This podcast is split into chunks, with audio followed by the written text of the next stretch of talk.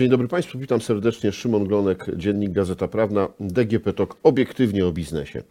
E, Witam Państwa w kolejnym odcinku e, naszego cyklu podcastów e, Giełda Papierów Wartościowych oczyma prezesa Wiesława Rozłuckiego. Dzień dobry Panie Dzień Prezesie. dobry, witam. No to jesteśmy na etapie, kiedy 16 kwietnia 1991 roku odbyła się pierwsza sesja. Notowanych jest pięć e, spółek. Tonsil, Pruchnik, Krosno, Śląska Fabryka Kabli i Exbud. E, jakie emocje wtedy Panu towarzyszyły? Niesamowite emocje. E, I to e, tego się nie da porównać. To jest jak występ w Teatrze Wielkim. A, e, Gdzie gra się główną rolę. No właśnie. E, I ja tylko pamiętam, e, że jeszcze do ostatniej chwili tam e, przygotowałem technicznie to wystąpienie, które się zaczynało od ogłoszenia kursów tych pięciu spółek. I przecież jak się okazało, ten obrót tego dnia e, to na dzisiejsze pieniądze po dewaluacji, po e, zmianie nominału, to był chyba 1960 zł. To znalazłem 1990. No, E, No na wtedy to było 19 milionów 900. tak jest. Ale Czyli- żeby Państwu uświadomić jeszcze, e, co to, to około 2000 dolarów. No mniej więcej tak, tak. Czyli e, obrót e, prawie symboliczny, a wydarzenie, można powiedzieć, epokowe. Ja tylko pamiętam, jak e, no, na tę sesję byliśmy tak w niedoczasie, że właśnie nikogo żeśmy nie zapraszali. Prawdziwe otwarcie uroczyste giełdy nastąpiło w lipcu dopiero, a 16 kwietnia no pierwsza sesja. I e, ja tak od tyłu wchodzę na tą salę giełdową, patrzę, a tam tłum. E, chyba siedem kamer telewizyjnych, aparaty, tłum ludzi. Aż się cofnęłem.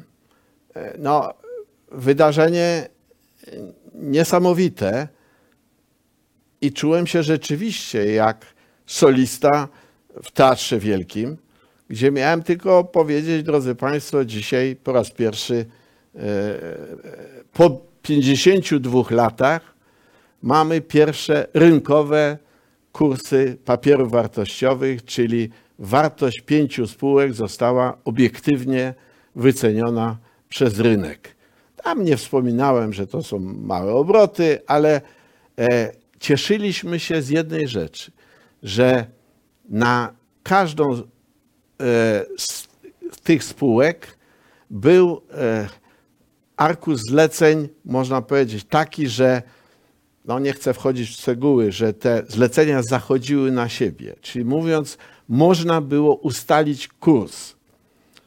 I, e, i e, zawarto chyba 112 transakcji tylko, e, więc to było bardzo niewiele. Po jednej, e, po jednej cenie, e, znaczy każda spółka miała swoją cenę, e, był to tak zwany fixing.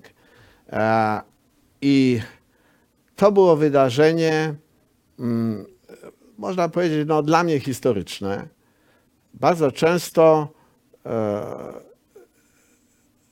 pytano mnie o emocje i muszę nieskromnie powiedzieć, że przeżyłem w życiu takie dwa momenty.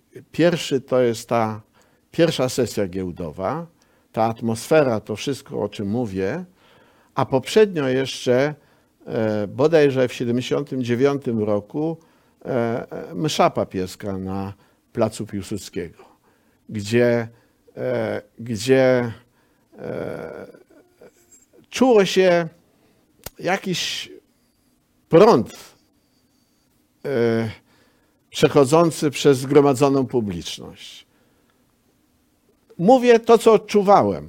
może dla, dla, dla niektórych to, to brzmi trochę obrazoburczo, że no, porównuje takie wielkie wydarzenie no, w końcu ze skromną sesją gie- giełdową, ale ja to tak czułem. No w historii Polski też jest to wielkie wydarzenie, jednak po tylu latach e, pierwsza sesja. Pierwsza sesja giełdowa i wie pan, e, tego samego dnia zostałem zaproszony na posiedzenie Rady Ministrów, gdzie właśnie przekazałem ten komunikat do Rady Ministrów, że właśnie po tylu latach e, mamy w końcu pierwsze e, notowanie e, niezależnej giełdy, prawdziwej giełdy i, i, i w to, to zawsze ludzi fascynowało i było pytanie, ja już o tym mówiłem przez kolejne dwa lata, czy to jest prawdziwa giełda. Więc ludzie rzeczywiście czekali na tę prawdziwą giełdę. Można powiedzieć, byli dosyć tolerancyjni, bo wiedzieli, że to jest coś nowego, co, co powstało bardzo szybko, jest na razie bardzo skromne, ale jest. To była wielka radość. E, e, Pamiętajmy o tym, że giełda musiała powstać bardzo szybko, bo na przełomie kilka miesięcy przedtem była ta oferta tych pięciu spółek. E, Ludzie kupili, kilkadziesiąt tysięcy osób to kupiło i czekało na, na rynek wtórny, żeby można było kupić, sprzedać normalnie. Jak jest oferta, to potem musi być rynek, rynek wtórny. Więc e, e, to było długo oczekiwane i teraz nawet ludziom nie Dobrze, przeszkadzało. To jeszcze powiedzmy jedno, Proszę. dlaczego te pięć spółek? Bo myślę, że A, niektórzy mogą nie pamiętać. Więc wie pan, to, to był wybór, e, który został dokonany też w ramach e, już e, Biura Pełnomocnika Rządu. Wtedy to już był w 90 roku, to już się nazywało e, Departament Prywatyzacji, gdzie był Departament tak zwanej dużej prywatyzacji i małej prywatyzacji. Mała prywatyzacja to były sklepy, bardzo mm, liczne podmioty, ale małe, takie, które się nie nadawały na giełdę. A duża prywatyzacja, tam dyrektorem był Jacek Chwedoruk, e, e, to e, były wybierane spółki, które nadawały się jak najbardziej, można powiedzieć, nie jak najbardziej się nadawały, tylko bardziej niż inne nadawały się do e, notowań giełdowych, bo e, miały kontakt z rynkiem, przeważnie zagranicznym. I zarówno, proszę za, zauważyć, że i Huta Szkła w Krośnie eksportowała, i Tonsil, e, który się zagranicznym inwestorom ciągle mylił z migdałkami, e, e, no, sprzedawała te zestawy głośników e, e, za granicą. E, Śląska Fabryka Kabli podobnie, Exbud też, prawda, więc, więc e, Pruchnik również, więc e, to były firmy, które e, miały kontakt z, z prawdziwym rynkiem międzynarodowym i to było podstawowe kryterium. E, Już nie pamiętam, początkowo chyba siedem spółek zostało e, e, wytypowanych, ale dwie z różnych powodów odpadły i zostało, zostało pięć. Można powiedzieć, że z perspektywy czasu to nie okazał się najlepszy wybór, ale zawsze wybór dokonuje się na podstawie kryterium tu i teraz. I tu i teraz, czyli wtedy, e, wtedy, tu i wtedy, e, to było właściwe kryterium i, i, e, i można powiedzieć jeszcze do tego, trzeba powiedzieć, że wtedy ludzie kierowali się nazwami. Czyli jeżeli coś, ktoś produkuje towary, które ludzie kupują, to y, mają takie intuicyjne, większe zaufanie, rozpoznanie. Kolejną spółką, jedną z kolejnych był na przykład e, Swarzęckie e, Fabryki Mebli, e, które Poruchnik, producent ubrań. odzieży, prawda? Znany, tak. E, Wulczanka, koszule, Wedel, e, słodycze. Czyli, czyli e, wtedy ludzie się kierowali e, bardzo prostą zasadą, e, nie do końca taką e, słuszną czy niesłuszną, że kupuję taką spółkę, której towary mi się e, podobają.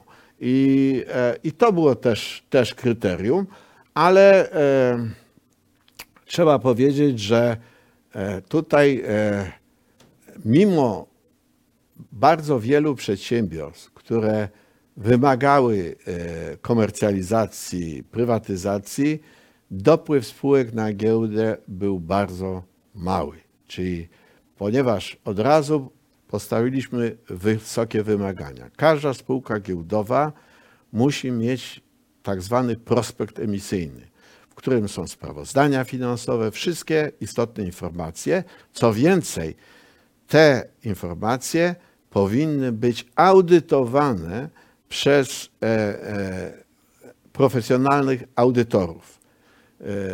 W pierwszej kolejności sięgnęliśmy po zagraniczne firmy, bo polskich jeszcze nie było, jeśli chodzi o firmy audytorskie. Czyli można powiedzieć, te prospekty były niejako sprawdzone przez e, niezależne, profesjonalne e, podmioty. E, I to była swego rodzaju rewolucja w Polsce. Mianowicie bardzo wysoko postawiona poprzeczka, która w pierwszych latach giełdy e, często była mm, powodem krytyki, że jest mało spółek na giełdzie, ponieważ poprzeczka została postawiona zbyt wejścia. wysoko. I coś tym było. E, ponieważ Z dzisiejszej perspektywy zmieniłby pan to? nie, w żadnym wypadku. I co więcej, podam przykład. e, Ja nie tylko dzisiaj bym tego nie zmienił, ale już pięć lat później też już nie żałowałem tej decyzji. Przez pierwsze dwa lata miałem pewne, e, pewne obawy, a powód jest bardzo e, prosty. W sąsiednim kraju, w Czechach, dokonano tak zwanej prywatyzacji kuponowej powszechnej, gdzie każdy obywatel dostał kupony, mógł za to kupować akcje spółek.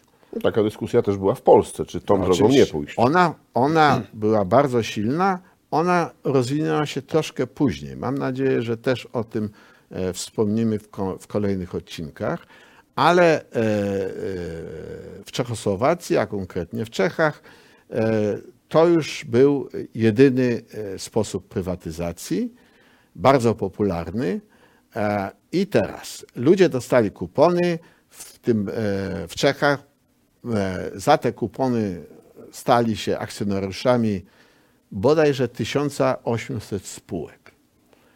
I te 1800 spółek, jak skończyła się prywatyza- prywatyzacja kuponowa, zostało jakby, szukam słowa, rzucone na giełdę. E, Słowo dopuszczenie nawet nie pasuje, bo nikt, nikt nie badał tych spółek. E, Czyli można było nimi handlować na czeskiej giełdzie w Pradze.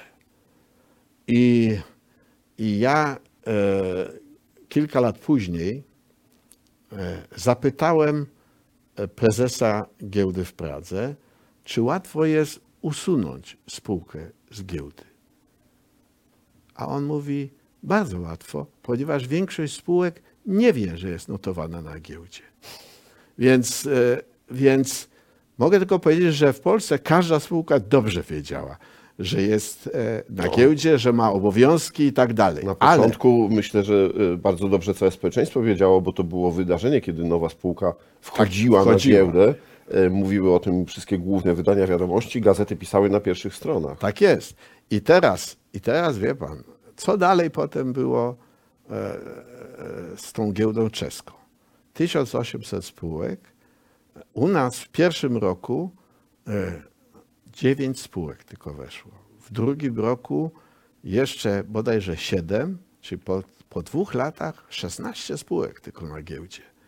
Co ja myślałem wtedy, może jednak trzeba było troszkę e, obniżyć te kryteria. I wtedy często amerykańscy inwestorzy mówili: Słuchaj, no fajnie, macie giełdę, wszystko zorganizowane, no ale mało spółek jest. Zobacz na Czechy, tam jest tysiąc kilkaset spółek. To jest prawdziwy rynek kapitałowy. No a co potem nastąpiło? Te spółki były wycofywane setkami. Czyli po bodajże 10 latach, może kilkunastu, z tych 1800 spółek zostało niestałe 30 czeskich spółek. Więc wtedy już byłem całkowicie przekonany, że nasza droga w, e, starannej regulacji, wysokiej poprzeczki, budująca zaufanie, była słuszna. W Czechach bardzo szybko giełda zaczęła się kojarzyć ze spekulacją, przekrętami i tak dalej. Upadkami firm. Oczywiście. Więc u nas nie powiem, że nie było żadnych afer, ale one były, można powiedzieć, umiarkowane e, w stosunku do innych krajów i nie większe niż w innych krajach w proporcji do no- notowanych e, spółek. Także, e, ale to był właśnie ten, ten dylemat e, wysokiej regulacji i na szczęście dzisiaj mogę to otwarcie powiedzieć, nie tylko dzisiaj, ale 10-15 lat temu, że to była słuszna decyzja, że jednak najważniejsze dla giełdy to jest budowa zaufania przez staranną regulację. Zawsze była dyskusja, czy ta regulacja jest nadmierna, czy jest zbyt biurokratyczna. To już są szczegóły. Zawsze można znaleźć lepszy złoty środek. Szczególnie po latach. Oczywiście. Natomiast e, na początku e, to, to, to była, e, wydaje mi się, słuszna decyzja. Było jeszcze, można powiedzieć, dwa takie dylematy powstającego rynku. Pierwszy dylemat to jest, w jakiej formie ludzie mają mieć te akcje. Przecież pamiętamy, dzisiaj w wielu miejscach na ścianach wiszą stare e, certyfikaty akcji, niektóre jeszcze z kupona, e, obligacje z kuponami do, do, wy, do wycięcia. E, I ludzie też tego oczekiwali. Wtedy, a myśmy zaproponowali od razu dematerializację, który był... Właśnie, o to chciałem zapytać, bo Skok do przodu. Pan w pierwszym odcinku e, Pańską wizytę e, na e, rozemocjonowanej giełdzie w Londynie Tak. w latach 60. Tam wtedy normalnie jeszcze były papiery Tak, były rzeczywiste papiery i wie pan, cykl rozliczeniowy to już jest bardzo duży szczegół. Cykl rozliczeniowy trwał kilka dni zwykle, czyli jest zawarta transakcja, potem sprzedający musi dostarczyć albo e, do maklera swojego, ten makler jego do maklera kupującego, to tam przepływa. E, W samej Francji 3000 osób zajmowało się tylko przerzucaniem tych papierów z jednego banku czy domu maklerskiego do drugiego, nie mówiąc już o fałszerstwach możliwych tych papierów, co się e, z- zdarzało. E, Wspomnę taki film znany Papillon, gdzie e, jeden z tych głównych bohaterów został skazany właśnie za fałszowanie obligacji. E, e, Więc to fałszowanie zawsze jest e, e, możliwe, ale przede wszystkim e, duża możliwość e, popełniania błędów.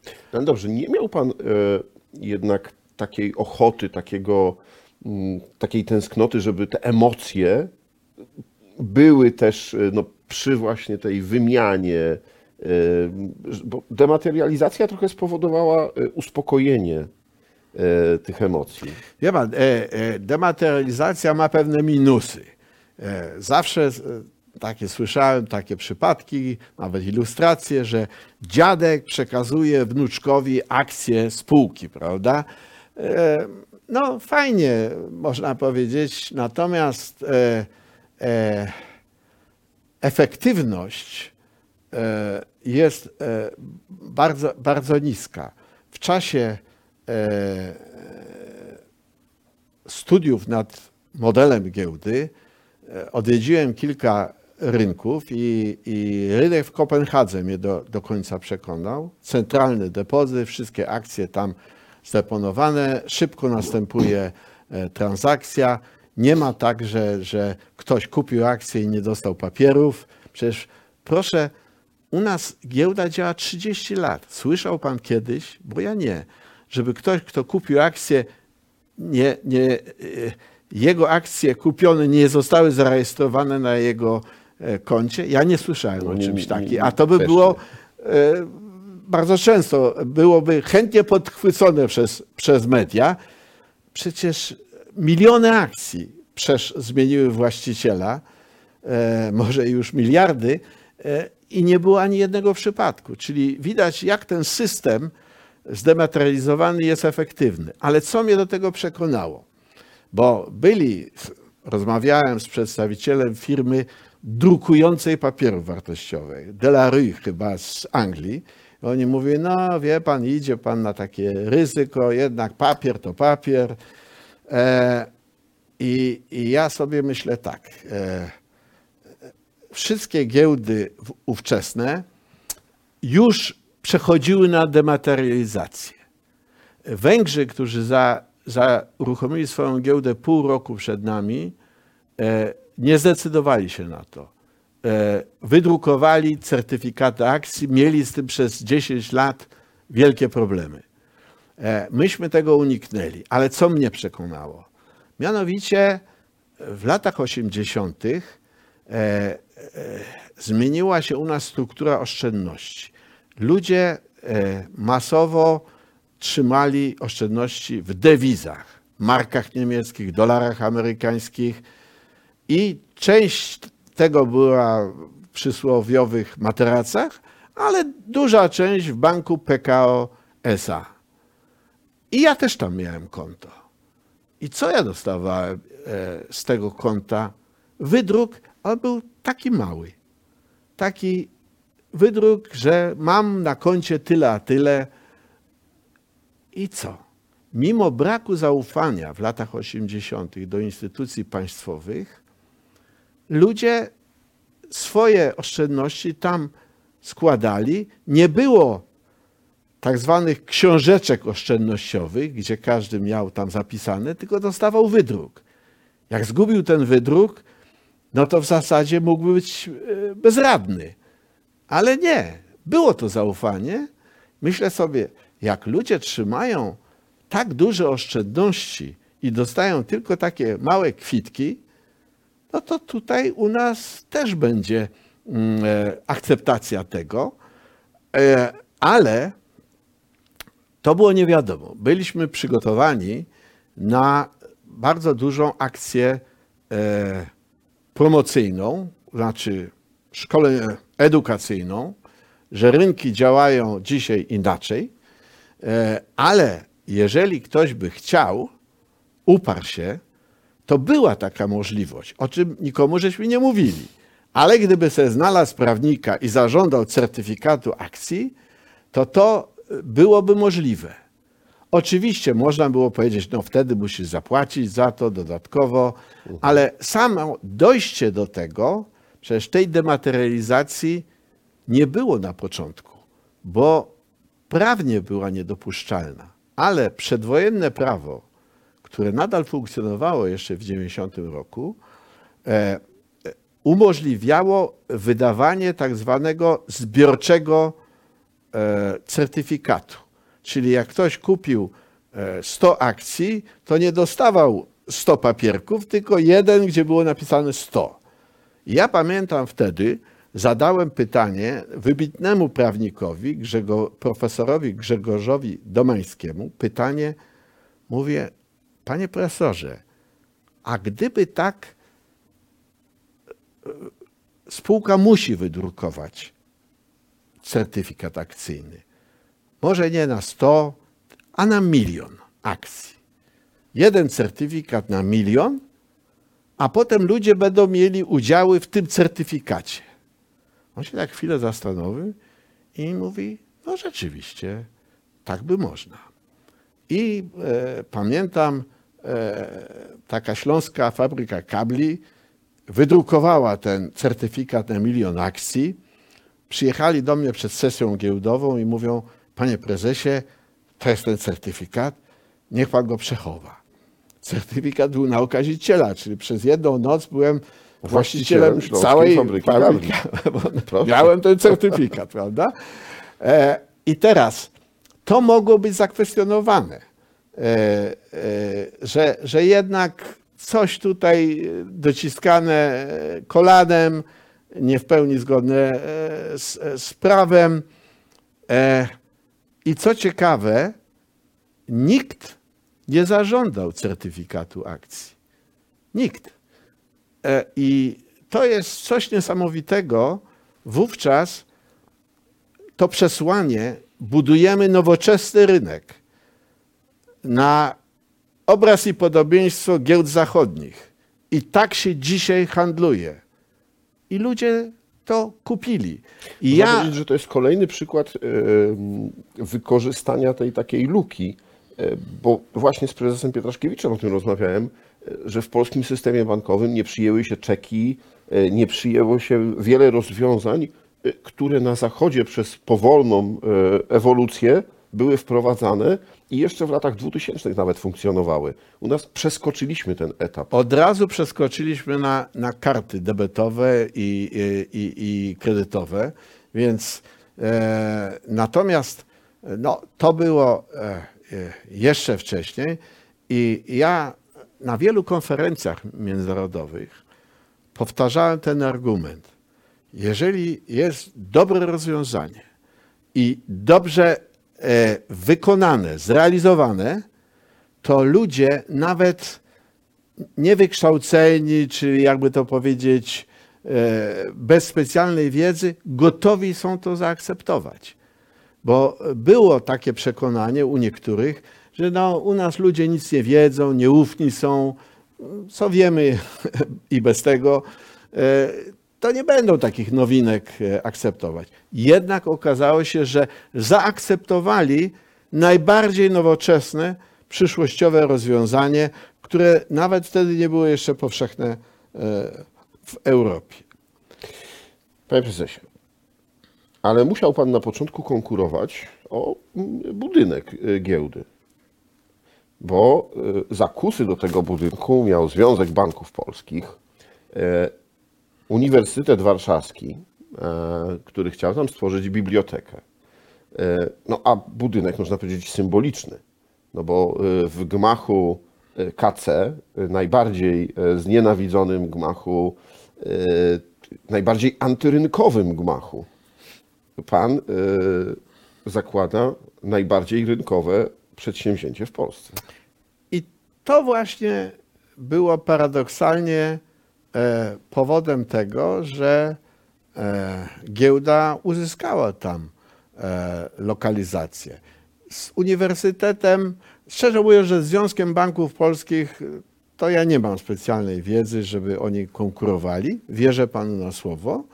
Poza tym to jest duży budynek. Związek Banków e, wtedy nie był taki duży. Tak, tak, przez E, kilka i- i mieli tam, kilka nie- miesięcy mieli tam biura, ale... I nie trzeba było wielkiej sali.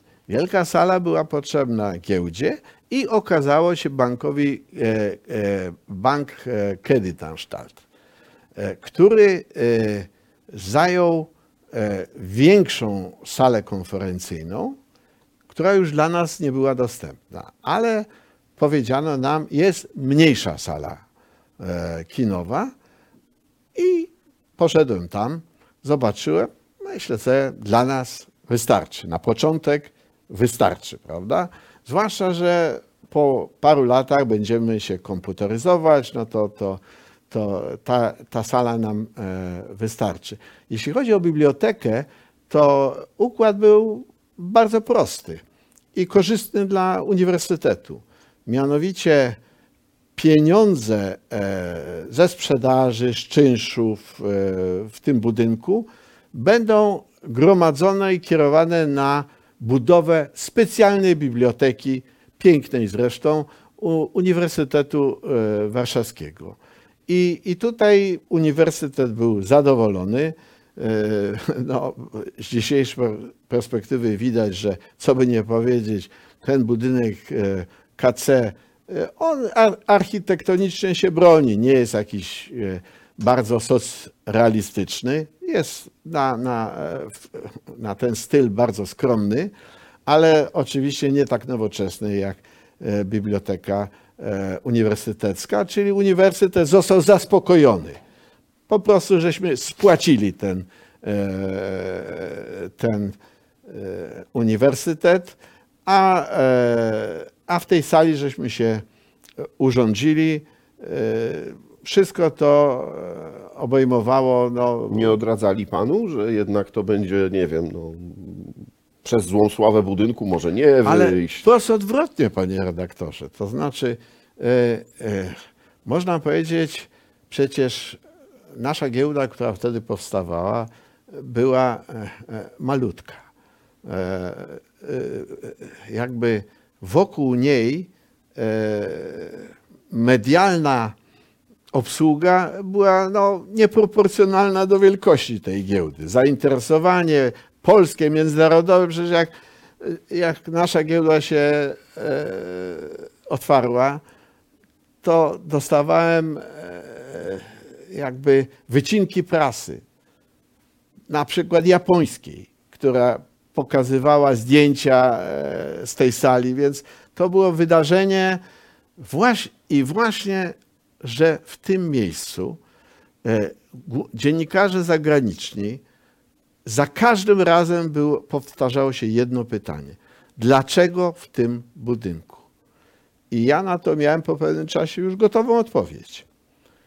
Tu dawniej, za czasów e, komunistycznych, był ośrodek władzy centralnej. A naszym marzeniem dzisiaj, żeby e, w tym miejscu giełda równie była tak ważna, jak dawniej ten komitet e, centralny. To się bardzo podobało i w każdym wywiadzie to mówiłem i w każdym wywiadzie to było e, napisane. E, Więc, więc ten miejsce, które pokazywało lepiej niż tysiąc słów zmianę w Polsce. Ta zmiana przecież nie wszystkich przekonywała, że ona już jest ostateczna. Tak zwana cofka e, też była brana pod uwagę, że to ta zmiana może nie być trwała. Więc, e, więc zdjęcie e, właśnie giełdy, gdzie są tłumy, gdzie jest tablica notowań, w dawnym budynku KC, to wiele ludzi przekonywało, że to już, jak to mówią Czesi, poprzednie senebrati.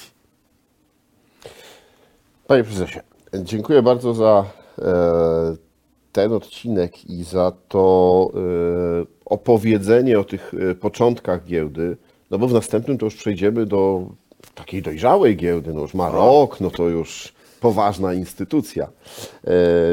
Państwa oczywiście serdecznie zapraszam do tego, żebyście pozostali z nami e, i oczekiwali na kolejny odcinek. Ci, którzy nie widzieli poprzednich, e, zachęcam. E, Naprawdę mm, wszyscy myślę, że będą zafascynowani tym, ile ciekawych rzeczy można się dowiedzieć i ile anegdot też przy okazji pan prezes nam tutaj sprzedał. Dziękuję bardzo. Do usłyszenia. Do usłyszenia.